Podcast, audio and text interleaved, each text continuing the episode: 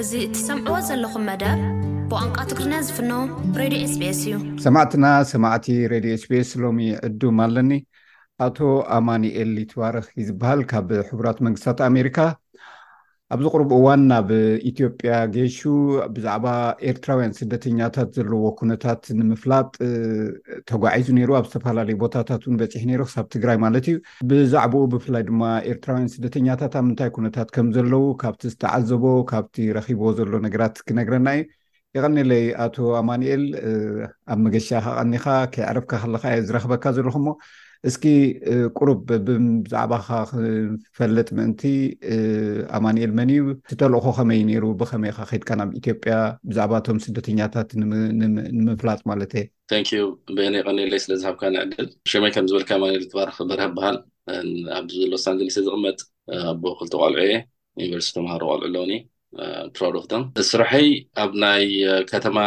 ናይ መንግስቲ የሰርሕ ኣብ ከተማ ምምሕዳር ሎስ ኣንጀለስ ኣብ ናይ ምህንድስና ናይ ተቆፃፃሪ ህንፃ ወይ ከዓ ቢልዲንግ ኢንስፔክተር ኮይነ ዝሰርሕ እዚ ከድኩሉ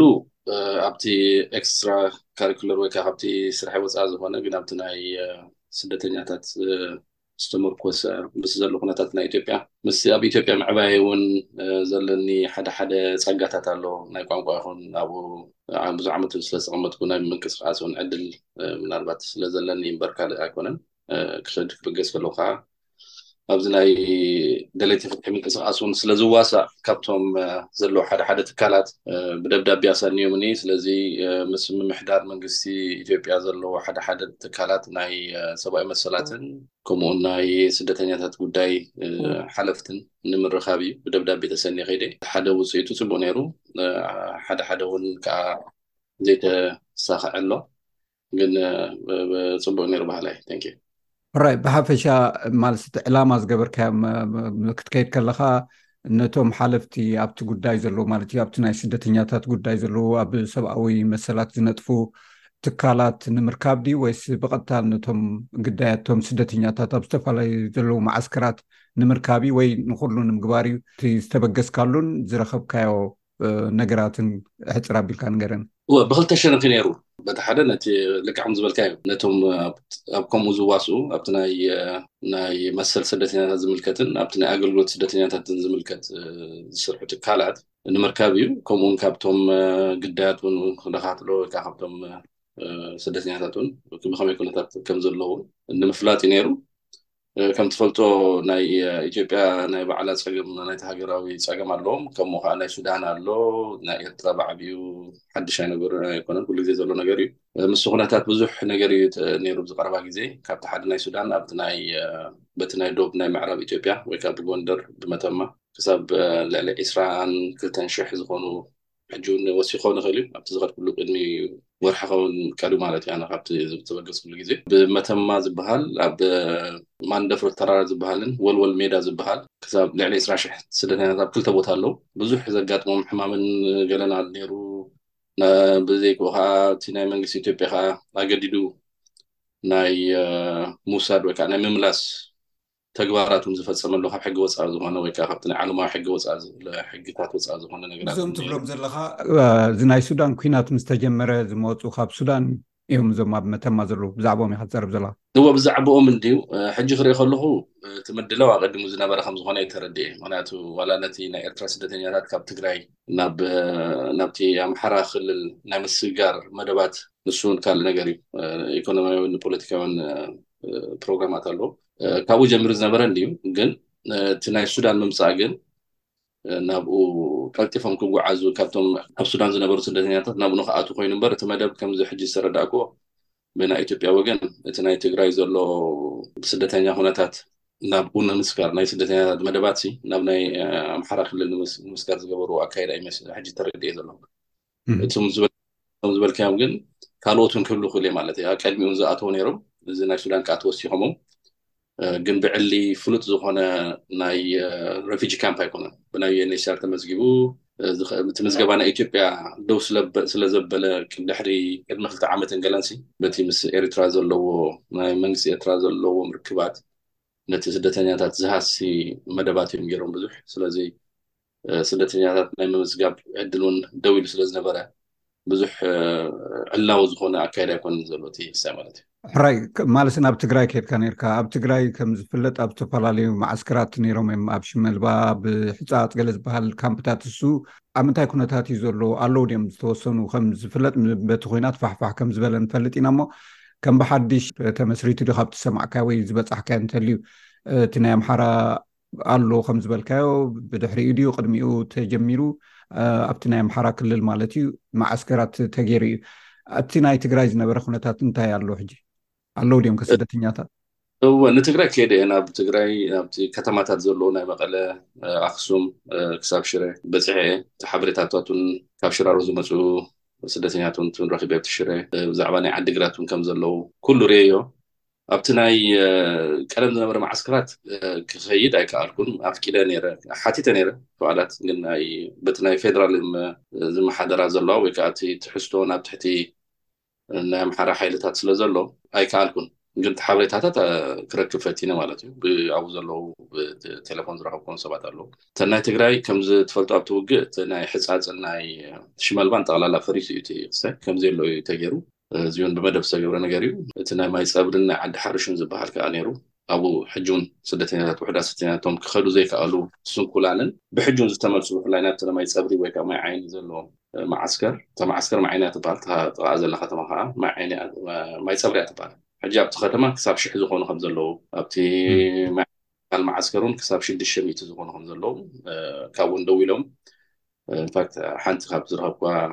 ሽማ ከይጠቐስኩ ብቴሌፎን ዝረኸብኩዋ እንታይ ኢላትኒ ቅድሚ ክልተ ወርሒ ከም ዝተመልሰት ካብቲ ናይ ኣለም ዋጭ ናይ ኢትዮጵያ ኣብቲ ናይ ክልል ኣምሓራ መዓስከር ኣብኡ ክሳብ ክልተ ወርሒ መግቢ የለን ዋላ ኩሉ እቲ ናይ ፀጥታን ውሕስነት ጉዳይ ፀገም ስለዝኾነስ ይምለሱ ከምዘለዎ ናብ ናይ ትግራይ ኣብ ትግራይ ዘሎ ናይ ትግራይ ዝነበረ እዩ ሕጂ ግን ኣብ ትሕቲ ኣምሓራ ዘሎ ዝነበረ ናይ ቀደም መዓስከር ማለት ማይ ዓይኒ ዝተመልሱ ከምዘለዉ ኣብቲ ዓዲ ሓሩሽ ዝበሃሉን ሓደ ሓሙሽተ ሽዱሽተ ሚእቲ ከምዘለዉ ፈሊጠ ካልኡ ናብ መቐለ ማሕበረ ሰላም ማሕበረሰብ ኤርትራን ዝብል ብዕሊ ናይ ትግራይ ክልል ዝፈልጦ ማሕበር ኣሎ። ሓደ ሽዱሽተ ሚእቲ ኣባላት ከም ዘለዎም ነጊሮምኒ። ኣጋጣሚ ናብቲ ሓደ ዝኸድኩሉ ንደሓር ተመሊሰ ከማን ናብ መቐለ ካልኣይ ግዜ ረኺበዮም ማለት እዩ። ኣብቲ ህዝባዊ ኣኼባ ተሳቲፈ ነይረ ክሳብ ልዕሊ ክልተ ሚእቲ ዝኾኑ ኣባላት ዘለይዎ። ሕጂ ኣብኡ ክሳብ እንተ ዘይጋገየስ ክሳብ ሸሞንተ ሚእቲ ዝኾኑ ኤርትራውያን ከም ዘለዉ ከምኡውን ግብረ ሕጂ ሰናይ እዚኦም ኣሎ። ዝፍለጡ ድዮም ብ- በቲ ናይ ሬፊጂ በቲ ናይ ኣራዲ ዝበሃል ኣይደኑ እቲ ኣራዲ። ዘካይዱ ነቲ ናይ መዓስከራት ዝፍለጡ ኣፍልጦ ዘለዎ ድዩ ዩኤንኤችሲኣር ዝሕግዞ ድዩ ከመይ እዩ እቲ ኩነታት ሕጂ ዘሎ ውሳቶ? ሕጂ እቲ ኣራ ዝበሃል የለን RRS እዩ ዘሎ Refugees and Returnees Service እዩ ዝበሃል ወይ ከዓ ናይ ተመለስትን ስደተኛታትን ምምሕዳር እዩ ዘሎ ግን የለን ኣብ ትግራይ የለን እቲ ስለዚ መን እዩ ዝኣልዮም ማለት እዩ ነዚ መን እዩ ዘካይዱ? ብክሳይ በቃ የለን ዝሕግዞም የለን ሕልፍ ኢሎም ዩኤንኤችሲኣር ይመፅዎም እዮም ተወልካ ብዝተወደበ ዘይኮነስ ሓደ ሓደ ሓገዝ ከምኡ ክመፆም ከምዝመፆም ሰሚዐ ኣለኹ ካልእ ግን ዝመሓደሩ ዘሎ ባዕሎም ናቶም ኮሚቲ መሪፆም ኣለዎም ኣካየድቲ ኣለዎም ነቲ ዝመፆም ሓደ ሓደ ካብ ኤርትራውያን ኹን ገብገለ ይፋቀይዎ ማለት እዩ እቶም ኤልሻ እቲ ሓደ እንታይ እዩ ዘሎ እቲ ኣሰራርሓ እቲ ኤልሻዳይ ከምዚ ኤልሻዳይ ዝበሃል ግብረሰናይ እዩ ግን ነቶም ዝመፁ ሒዝካስ መሰጋገሪ ዓይነት እዩ ናብ ኣዲስ ኣበባ እዮም ዘስግርዎም ወይ ናብ ካልእ ቦታ እዮም ዘስግርዎም እምበር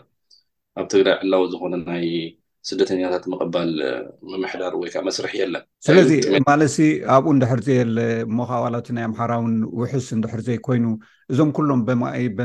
ክሳብ ሚእቲ ሽሕ ከም ዝነበሩ እዩ ዝጥረብ ኣብ ውሽጢ ትግራይ ማለት እዩ ኣብ ዝተፈላለዩ ናይ ኢትዮጵያ ክፋላት እውን ነይሮም ኣብ ክልል ዓፋር እውን ነይሮም ኣበይ ይበፅሑ ሕጂ ድሕርዚ ኩናት ኣብ ምንታይ ኣለዉ ኣብ ምንታይ ኩነታት ኣለዉ እዚኦም ብሓፈሻ ኣብ ኢትዮጵያ ዘሎ ስደተኛታት ከመይ እዩ መነባብሮኦም ከመይ እዮም ዘለዉ ኣብ ኣዲስ ኣበባ ይኹኑ ካልእ ከባቢታት በቃ እንታይ እዩ ትለሃሞ ኣብ ኣዲስ ኣበባ እዩ ማለት እዩ ይሓልፉ እንዲም ስለዚ ከም ዝበልካዮ ንመላለስ ነርና ና ኣብቲ መዓስከራት 217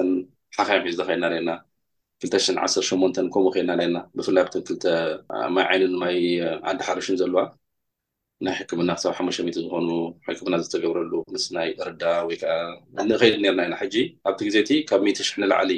ኣብቲ መዓስከራት ጥራሕ ክሳብ ሓምሳ ሽሕ ንላዕሊ ነይሩ ኣብቲ ከተማታታት ከዓ ወሲካ ልዕሊ ሚእቲ ሽሕ ከም ዝነበረ ፍሉጥ እዩ ነይሩ ሽዑ ሕጂ ግን በቲንዎ እዩ ገሊኡ ዝተጨወ ኣሎ ገሊኦም እንታይ እዮም ዘለዉ እቶም ኣብ ሰማዕኩም ክሳብ ዕስራ ሽሕ ዝኸውን ኣን ኣካውንት ድዩ ወይ ከዓ ኣበይ ከም ዘሎ ዘይፈለጥ ክሳብ ዕስራ ሽሕ ምዝጉብ ዝነበረ ኣሎ ናበይ ከይዶም ይበሃሉ ሕጂ እዚኦም ዕስራ ሽሕ ያው ናብቲ ካልእ ከተማታት ኢትዮጵያ ከይዶም ኣለዉ ኣብ ኣዲስ ኣበባ ሕጂ ብዙሓት እዮም ዘለዉ ዋላ ይመዝገቡ እምበር በቲ ካብዚ እቶም ሓገዝ ክረኽቡ ዝኽእሉ ኩሎም ኣብ ኣዲስ ኣበባ ከይዶም እዩ ማለት እዩ ካብ ደገ ሓገዝ እንዳረኸቡ እንዳተፈራዩ ገለ በቤተሰብ ይነብሩ ኣለዉ እቲ ሓገዝ ዘይረክብ እዩ ሕጂ ብቲ ትግራይ ተሪፉ ዘሎ ማለት እዩ ስለዚ ንሳቶም ከዓ ዋላ ካብታ ናይ ድሕሪዚ ናይ ክሳይ ካብቲ ሓንቲ ምስዛን ሓዳሽ ዘላ ናይዚ ኣራርዌስ ምምሕዳር ወዘሮ ጠይባ ሓሰን ትበሃል ምስኣውን ሓፅር ዝኾነ ዕድል ረኺበ ነይረ ከማን ናይ መጀመርያ ጋሻ ኢኻ ስለ ዝተመላለስካ ሰሚዐ እየ ተቐቢለካ ዘለኹ ኢላትኒ ብጣዕሚ ከማን ንዓይ እውን ኣሐጒሳትኒ ሕጂ ካብቲ ዝበለትኒ ከማን ገሊኦም ክሳብ ሽዱሽተ ሽሕ ኣለዉ ብሉ ኣብ ትግራይ ገሊኦም ክሳብ ዓሰርተ ሽሕ ኣለዉ ብሉ ግን ፍሉጥ ኣይኮነን ኢላ ካብኣ ዝሰማዕኮ ኣሎ ነገር ኣሎ ብፀብፃብ ከዓ ኣለኒ ኣበይ ኣሎ ክንደይ ኣሎ ዝብሉን ብፍላይ ኣብ ትግራይ ዘለዎ ብፀብፃብ እውን ኣለኒ ኣብ ሽረ ክንደይ ኣለዉ ኣብ መቐለ ሕጂ ከም ዝበልካዮ እቶም ምዝጉባት ዝበሃሉ ናይ ዩኤንኤችሲኣርሲ ካብ ክልተ ሚእቲ ንላዕሊ ኣለዉ እቶም ካልኦት የተመዝገቡ ሓደሽ ክኾኑ ክእሉ ሕውሱ ዝበለ ነገር እዩ ኣብዚ ቅሩብ እዋን ዝተፈፀመ ፍፃሜ ነይሩ ንሱ ድማ ምስጓግ ዝብል ማለት እዩ ካብ ዝተፈላለዩ ስደተኛታት ካብ ኢትዮጵያ ብዓሰብ ኣቢሎም ናብ ካልእን ከም ዝተሰጎጉ ሰሚዕና። እዚ ኣሻቓሊ ኩነታት እዩ። እዞም ስደተኛታት እዚኣቶም ናብ ሃዲሞም መጺኦም መሊሶም ክስደዱ ከለዉ እዚ ኩነታት እዚ ከተጻርዮ ፈቲንካ ዶ?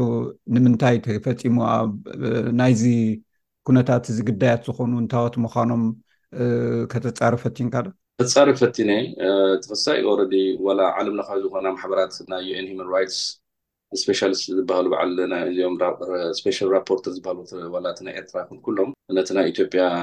ኣካይዳ ነጺጎሞ ወይ ካኣ ኮኒኖሞ ኔሮም ኮኒኖም ብሓቂ እዚ ውን ተዘራሪብና ዋላ ነዛ ዝበልኩኻ ነዛ ሓዳሽ ናይ ምምሕዳር ውን ኣዛሪብያ ኔረ ሕጂ ንሳ እንታይ ኣለትኒ እሞ ንሕና እኮ ሓበሬታ ከውጺና ኢና ሪኢኹሞ ድኹም ኢላትኒ ማለት እዩ እቲ ዝበልዎ ዝበልዎ ንሳቶም እዚኣቶምሲ ስደተኛታት ኣይኮኑን ገለ ዝብል እዩ ኣነ ግን ብኣካል ሰባት ዋላ ኣሕዋቶም ዝረኸብክዎም ሰባት ኣለዉ ምዝጉባት ዝነበሩ ግን እቲ ወረቓቕቲ ስለ ዝጸንሐ ሕጂ እቲ ናይ ዩኤን ዋላ እቲ ምዝገባውን ውሕስነ እቲ ታሴራውን ስለ ዘየሎ እዚኦም ንሳቶም እውን ክፈልጥዎም ዝኽእሉ ይመስለንን ግን ብና ግን በቲ ናይ ኢትዮጵያ መንግስቲ እዚኣቶም ስደተኛታት ኣይኮኑን ወይ ከዓ ምዝጉባት ኣይኮኑን ስደተኛ ኣይኮኑን ዝብል እዩ ግን ክስተ ዕባራ ምክንያት ኢኻ ክትበሎ ትኽእል ምክንያቱ በቲ ሓደ ዋላ ከምኡ ይኹን እቲ ሕግታት ናይ ኢትዮጵያ ከማንሲ ብዘይ ፍርዲ ስቕ ኢልካ ኣልዒልካስ ከይተፈርዱ ወይ ከኣ ኣይትሰጎም ንዓ ናቶም ውን ሕጊ የፍሪሶም እዮም ሕብራት መንግስታት ናይ ጀኔቫ ኮንቨንሽን ውን ትሽዓተ ሚእትን ሓምሳን ሓደን ኩሉ ኣሎ ዓንቀጻት ኣሎ ወይ ኣርቲክል ኣሎ ሓደ ከምዚ ክምለሱ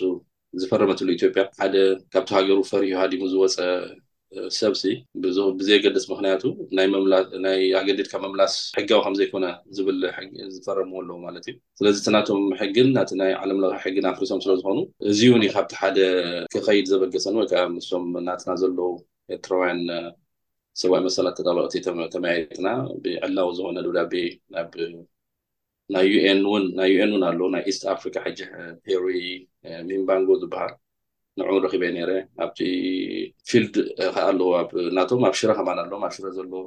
ረኪበዮ ብዛዕባ መሰላት ክጣበቁ ከም ዘለዎም ናይ መሰል ጉዳይ ስለ ዝኾነ ኣብ መቐሎ ዘለውን ናይ ዩኤንኤስኣሮን ናይ ሂማን ራይትስ ን ስለዚ ሕጂ በዞም ትካላት እዚኣቶም ክንደይ ከም ዝተሰጎጉ ብምንታይ ምክንያት ከም ዝተሰጎጉ እንታወት ምዃኖም ዝርዝር ሓበሬታ ኣለዎም ማለት ድዩ ኣብ ርእሲ ዩ ከዓ ምዝ ክትምልሰለይ ምናልባት ተራኪብካ እውን ነርካ ትኸውን ኢካ ምስቲ ናይ ኢትዮጵያ ሰብኣዊ መሰላት ዝጣበቕ ብዶክተር ዳንኤል በቀለ መስለኒ ዝምራሕ ትካል ኣሎ ናይ ኢትዮጵያ እሱ እውን መግለፂ ውፅኢ ነይሩ እዩ ከምዝኮነኖ እዚኣቶም ክሳብ ክንደይ ነቲ ጉዳይ ብዕቱብ ሪኦም ፎሎኣፕ ወይ ከዓ ምክትታል ገብርሉ ኣለዉ እወ ምስ ዶክተር ዳንኤል በቀለ እውን ተራኪበ እየ ትሕቲ እውን ናይ ናይ ኣይዲፒ ናይ ተመዛበልትን ናይ ተመለስትን ናይ ረፊጂ ሓላፊት ን ዲሬክተር ኣላ እንጉዳይ ትበሃል ንሳ ውን ተራኺብና ክልተ ግዜ ከማን ሕጂ ንሳቶም እቲ ኮኒኖሞ እንዲዮም ኣብቲ ፅፁ ሓበሬታ ግን ንሕና ውን ክንሕግዞም እዩ እቲ ንሰርሓሉ ኣለና ማለት እዩ እቲ ዝርዝራት ዝረኸብናዮ ሽማት ኣሎ ክሳብ ዓሰብ ዝበፅሑ ውን ብቴሌፎን ምስ ድሮ ምራኸቡ ስለ ዝነበሩ ነፃርዮ ኣለና ክሳብ ዕስራን ሸውዓተን ዝኾን ከማን ዝርዝራት ረኺበ ኣለኹ ካብኡ ውን ኣስመራ ኣትዮም ውን ክሳብ ዓዲ ኣቤቶ ድዩ ገለ ዝበሃል ቦታ ዝበፅሕሉ ርክባት ዝነበሮም ሓደ ሓደ ውን ኣለዉ ካብኡ ግን ናበይ ከም ዝቐ ስለዚ እቲ መስርሕ ዋላ ምስዞም ትካላት እዚኣቶን ሲ ቀፃሊ ከመይ ጌርና ከም ንሰርሕ እዩ እቲ ዘለና ዝርርብ ዋላ ምስ ናይ ኢትዮጵያ እውን ንሕና ሲ ንኤርትራውያን ዝውክል ማሕበረሰብ ክህሉ ኣለዎ ንርእሱ ዘመሓደር ማሕበረሰብ ክህሉ ኣለዎ ዝብል እቲ ፕሮጀክት እቲ መስርሑን ጀሚርናዮ ኣብ ኣዲስ ኣበባ ተመስሪቱ ምስ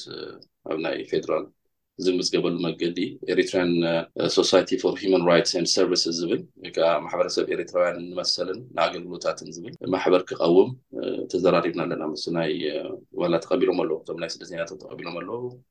እቶም ናይ ሂማን ራይትስ ኮሚሽን ተቐቢሎም ኣለዉ ከመይ ጌርና ነሰልጥን ዝብል ከዓ እቶም ናይ ዩኤን ሂማን ራይትስ ውን ሃንጎፋይ ኢሎም ተቐቢሎሞ ስለ ዘለዉ ዋላ ምስ ናይ ኣሜሪካን ኤምባሲ ናይ ስቴት ዲፓርትመንት ሓለፍቲ ናይ ዩኤስኤድ ሓለፍቲ ከምኡ ናይ ሂማን ራይትስ ሓለፍቲ ውን ርክባት ጌርና ኦረዲ ሰባት ኣብ ስራሕ ዝኣትሉ እቲ ናትና ትካላት ውን ኣብ ኮሚታት ዝዋሳኣሉ ኢና ዘለና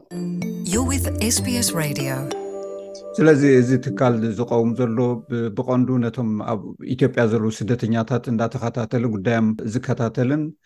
ፀገም ከጋጥሞም ከሎ ድማ ኣብት ዝብል ማለት ኣብቱታ ዘቕርብ ከምኡ ዓይነት ማለት ድዩ ብሓፈሻ እንታይ እዩ እቲ ዕላሙ ማለት እዩ? እው ኣፍልጦ ዘለዎ ነቲ ሕብረተሰብ ሲ ከም ሕብረተሰብ ናይ ኮሚኒቲ ምምስራት ዓለም ለኻዊ መሰል እዩ ብኢትዮጵያ እውን ፍቑድ እዩ ኣብዚ ሕጂ እንታይ እዩ ፀገም ዘሎ ግን ንሕና ጠጠው ኣቢልና ሰለዘለና ሓድሽ ናይ ማይግሬሽን ፖሊሲ ንሰርሓሉ ኣለና ዝብል እውን እም እቶም ግን መሰልኩም ኢሎምና ማለት እዩ ብፍላይ እቲ ናይ ደፒቲ ሚኒስቴር ፕራይም ሚኒስተር ኣቶ ደመቀ ዝበርሑ ሓደ ጉጅለ ኣለዉ ሕጂ ናይ ሓድሽ ኢትዮጵያን ማይግሬሽን ፖሊሲ ዘውፅኡ ኣብኡን ክንዋሳእ ኣለና ኢና ንብል ዘለና ንሕና ምክንያቱ ከም ዓቢ ሕብረተሰብ ግደ ዘለዎ ኣብቲ ናይ ቀንዲ ኣፍሪቃውን ከም ኤርትራ ትጻወቶ ኣሉታዊ ዝኾነ ሲ ንሕና ከኣ እቶም ደለይቲ ፍትሒ ሲ ኣውንታዊ ዝኾነ ጸዋታ ክንጻወት ፖለቲካዊ ዋላ ኣይንበሎ ኣብቲ ናይ ሲቪክ ደረጃ ግን ክንዋሳእ ኣለና ዝብል እንተዘይኮይኑ ንዓኻትኩም ውን ክንከሰኩም ኢና ዝብል ኣካይዳ እዩ እቲ ዘለና ኣካይዳ ማለት እዩ ወላ ግን ኣብዚ ክሓተካ ምናልባት እቲ መንግስቲ ዘሎ ምስ ኣብ ኤርትራ ዘሎ መንግስቲ ዝምድና ኣለዎም ሕጂ ከምዚታት ብተቃወምቲ ስኻትኩም ድማ ካብቲ ናይ ተቃውሞ ጉጅለ ወይ ከዓ ካብኡ ካብቲ ክፋል ናይቲ ሕብረተሰብ ኢኹሞ እቲ መንግስቲ ብሓቂ ንከምዚ ዓይነት ቅሩብ ድዩ መንግስቲ ኢትዮጵያ ማለት እዩ ምስቲ ኣብ ምስቲ ናይ መንግስቲ ኤርትራ ዘሎ ዝምድና ኣብ ግምት ኣእቲኻ ሲ ከምዚ ዓይነት ባይታ ናይ ምፍጣር ዕድሉ ክሳብ ክንደይ ሰፊሕ እዩ እንታይ ዓይነት መሰናኽላት ከጋጥም ይኽእል ብዙሓት ኣብ ኣዲስ ኣበባ እውን ፍርሒ ዝነበሮም እውን ነይሮም እዮም ማለት ከም ድላዮም ክንቀሳቀሱ ብሰንኪ ፀጥታ ማለት እዩ ስለዚ ከምዚ ዝኣክል ትካል ምትካል ክሳብ ክንደይ ማለት ምቹ እዩ ኣብዚ እዋን እዚ ኣብ ኢትዮጵያ እወ ናይ መሰል ጉዳይ እንዲሁ ናይ ቃልሲ ጉዳይ ስለዝኮነ መሰልካ ትሓተሉ በቲ ዘሎ ኩነታት ዘይኮነስ ናይ መሰል ጉዳይ ኢና ንሓትት ዘለ ስለዘለና ስለዚ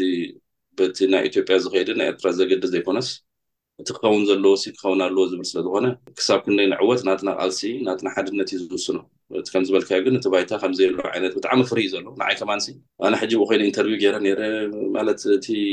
እቲ ፍሪ እንዲ እቲ መንግስቲ በቲ ፍሪ እንዲ ገይሩ እንዲዩ ዝቆፃፀሮ ነቲ ህዝቢ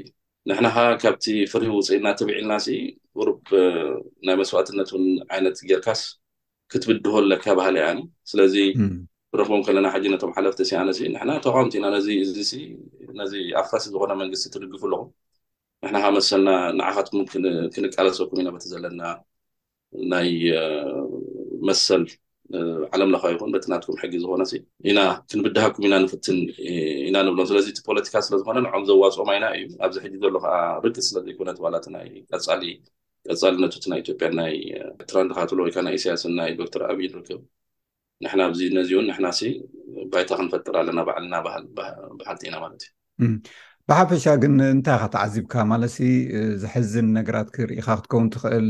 ናይቶም ብሓፈሻ እቶም ኤርትራውያን ስደተኛታት ኣብ ኢትዮጵያ ዘለዉ መንእሰያት ኣዴታት ክኾና ክእላ ቆልዑ ሰበይቲ ኣለዉ ብፍሉይ ንውሽጥኻ ዝተንከፎ ማለሲ ከምዚ ናይ ሰንስ ኦፍ ኤርጀንሲ እውን ክፈጥር ኣብ ስምዒትካ ዝኸኣለ ነገራት እንተልዩ ከተዕልና ትኽእል ናሚ ፀገም ኣሉ ብፍላይ ናይ ኩናማ ኣብ ሽረ ከባቢ ዘለዉ ዓበይቲ ሰባት ኣለዉ ኣንስቲ ሓደ ሓደ ቪድዮን ኣሎ ዝበልዖ ሲኖም ዓበይቲ ሰባት ደቅና ዓብዮምሲ ክዳኖም ክዳን ከማን ጸቢቦምሲ ነዊሕ ዝነበረስ ቁምጣ ኮይንዎም ብጣዕሚ ጸገም እዩ ዘሎ ክልተ ወርሒ መግቢ ረኸብናን ኣሶኪ ማለት ስምዒትካ ትንክፍ ኢለ ዘይኮነሲ ኣብ ርሑቅ ኮንካ ክትሪኦ ከለካ ቀሊል ክመስል ይኽእል እዩ ግን ብኣካል ከይድካ ክትሪኦ ከለካ እቲ ሰብ እውን ናብ ወፃኢ ኮይኑ ዕለታዊ መነባብሮ ክነብር ከሎ ነቶም ኣሕዋቱ ክሳብ ክንዱ ከይስምዖ ይኽእል ይስኻ ግን ስለዝኸድካ እየ ከምኡ ሓተካ ግን ከቢድ ምዃኑ ካብ ስምዒትካ ክርዳእ ክእል እየ ኣብ ትነብዕ ኢኻ ዘለካ ግን ብሓፈሻ እንተነጊርካኒ ድሓን ናብ ፀገም ኣሎ በቃ ዋላ እቲ ፍርሆ ክትሪኦ ከለካ ኣብ ኢትዮጵያ ኣብ ኣዲስ ኣበባ ፍርሂ ኣሎ በቃ እቲ መንግስቲ ክሳብ ክንደይ ብፍርሂ ከም ዝገዝእ ፈሊጡ እዩ በቃ እቲ ዋላ ዘየሎ እዩ ማለት ኣነዚ እቲ ከተማ ክእክቦም ከለኩ ነንሕዶም ዝኣከብኩም ሰባት ነይሮም ይፈራርሁ ከመይ ጌርካ ኢካ እትኣምን ከመይ ጌርካ ከምፅካና ዘለካ ኢሎም ክንደይ ተመራሚረ ተመራሚርና ማለት ሓደ ሸውዓተ ሸሞንተ ዝኮኑ ሰባት ኣብ ከምኡ ኣብቲ ንሕና ንሓስቦ ሓሳባት ምሳና ክሰርሑ ዝኽእሉ ሰባት ረኺበ ማለት እዩ ሕጂ ትሪኦ እቲ ፍሪ ዋላ ንዓይ ሕጂ ኢንተርቪው ገይሩኒ ነይሩ ሓደ ኢትዮጵያ ማለት እዩ በቃሉ ዝበሃል ጋዜጠ ሕጂ ንዓ ከማንሲ ከይተውፅኣ በቃ ኣታ እንታይ ከም ዝብሉ ዘለኹም ዳሓን ኣነ ክወዘ እቲ ክሳይሲ ክሳብ ክንደይ እዩ ኣነ ኣናላይቲክልሲ ዘለኹ ቦታ ፈልጥ እዩ ኣካይዳ ይፈልጥ እዩ ዝዓበ ኩሉ ዓዲ እዩ እንታይ ከ ክሰርሕ ክእል እዚ መንግስቲ ሲ ክሳብ ክንደ እዩ ዝብል እውን ሲናተይ ግምታት ስለ ዘለኒ እምበር ከምዚ እቲ ዝብሉን እውን ብሓቂ ዘሰክፍ እዩ ዝወሰዶም ሰባት ስለ ዘለዉ ናተይ ግን ቁርብ ዝዓዲ ኣሜሪካ እዩ ዝቕመጥ እቲ ናይ ኣፍልጦ ናይቲ መንግስቲ ምሳይ ዝተምሃሩ ሓደፍቲ እውን ኣለዉ ዓበይቲ እቲ ዓዲ ከም ዘለኹ ዝፈልጡ ካብቲ ናይ ኮሚሽነር ናይቲ ናይ ሂመን ራይትስ ዘሎ ዋላ እቶም ናይ ስደተኛታት ቅድሚ ሕጂ እውን ምስኦም ዝሰራሕኩ ሰብ ስለ ዝኾንኩ ዋላ ስቴት ዲፓርትመንት ናይ ኣሜሪካ ኤምባሲ ኩሎም ሲ ቁሩብ ሓበሬታታት ስለ ዘለዎም ኣነ ቁሩብ ጸጋታት ኣለኒ ኣብቲ ዝገብሮ ነበርኩ ምንቅስቃሳት ብዘየገድስ ግን እቲ ፍርሂ ዝበሃሉን ክንብድዎ ስለ ዘለና ሲ ካብ ኩሉ ንዓና ነቲ ፍርሂ ገሪሙ ንበካ ኣብቲ ብፍላይ ኣብ ኣዲስ ኣበባ ኣብ ትግራይ ምስ ከድካ ፀገም የለን ሴኪሪቲ ሲ ደሓን ይቆፃፀርዎ እዮም ንዓና እውን ኦረዲ ንሕናሲ ምስቲ ስርዓት እዩ ዘለና ፀገም እምበር ዋላ ተበደልና እንተበደልናስ ኣይኖ እቲ ህዝቢ ናይ ሕነ ምፍዳይ ስምዒታት ክህልዎ ክእል እዩ ዋላ ንድሮ ሃብካ ኤርትራ ቅጥቅጦ ዝብሉ ዓይነት ስምዒታት ዝነበረሉ ግዜ ኣሎ ሕጂ ግን ካብቶም ናይ መንግስቲ ትካላት እውን ካብቶም ግዜያዊ መንግስቲ እውን ረኪበዮም እዩ ማለት እዩ ኣብቲ ናይ ፀጥታን ኣብቲ ናይ ህዝባዊ ርክባት ዘለዎ ሰባት ንሕናስ ከም ዝበልካዮ እቲ ፀገም ኣሎ በቃ እቲ ንሳቶም እውን ፀገም ኣለዎም ዋላ ኣብቲ ናይ ኣሜሪካን ኤምባሲ ሓለፍቲ እውን ዝረከብኩም ሕጂ ብፍላይ ናይታ ናይ ዩኤስኤድ ሓላፊት ዝበለትኒ ንሕና እቲ መግቢ ንሕና ካብ ነቋርፆ ፀኒሕና ኢና ስለዚ ደብሊዩ ኤፍፒ ከዓ ካብ ዩኤስኤድ ተቐቢሎም እዮም ነቲ መግቢ ንዩኤንኤሲኣር ዝህብዎ ዩኤንኤሲኣር ካብኡ ነቲ ንኣራሬስ ድዩ ዋላ ናብቶም ረፊጅስ ዝኸይድ ዝህቦም ንሱ እዩ ስለዚ ኩሉ ዝተኣሳሰረ እዩ መንግስቲ ኣሜሪካ ደው ኣቢልዎ ኣሎ እቲ ናይ ዩኤስኤድ ካብቲ ዝበልዎ ስርቂ ነይሩ ገለ ዝብል እዩ እቲ ምክንያት ንሳቶም ደው እንተቢሎም ከዓ እቲ ዝዓበየ ፈንደር ናይ ዩኤስኤድ ስለዝኾነ ነቲ ናይ ደብሊ ኤፍ ፒ ደብሊ ኤፍ ፒ ከዓ የብሉን ናይ ዝነበረ ናይ ዩክሬን እውን ፀገም ኣሎ ደብሊ ኤፍ ፒ ዩኤንኤችኣር ከዓ ካብ ደብሊ ኤፍ ፒ እዮም ዝቕበሉ ነቲ መግብታት እንተዘይረኺቦሞ ሕጂ እቲ ክሳይሲ ብዝዓበየ ደረጃ ክረኣ ዘለዎ ነገር እዩ ስእልካ ክሳይ ክሳብ መንግስቲ ኢትዮጵያ እውን ኣብ መንግስቲ ኣሜሪካ ክዋሳኣሉ ዘለዎ ድሕሮም ካልኦት ናይ ኢሮፕያን ትካላት ነተን ወሃብቲ ኩለንሲ ምስ ናይ ዩክሬን ቅድሚ ዓመት ዝነበረውን ዓብ ሕፅረት ምግቢ እዩ ዘሎ እቲ ከባብታት ማለት እዩ ስለዚ ብጣዕሚ ጥሜት ኣሎ ሕጂ ነዚ ክንገብርሲ ኤርትራውያን ክሳብ ክንደይ ኢና ተሓጋጊዝና ኣትሊስት ናብኡ እንደ ከብለካ ምናልባት ከም መውፅኡ እንክኾነና እንታይ ክግበር ዝግብኦ ማለት ናቶም ኩነታት ከቢድ ምዃኑ ተዓዚብካ ኣለካ ኣብ ፀገም ኩነታት ዝኣልዮም እውን የለን ዩኤንኤችሲኣር የለን እቲ ናይ ኢትዮጵያ እውን ሕጂ እዩ ገና ታት ህዝቢ ዘሎ ፋሕፋሕ ኢሎም እዮም ዘለዎ በቲ ኩናት ከቢድ ኩነታት ከም ዘሎ ክትግምቶ ትኽእል ኢካ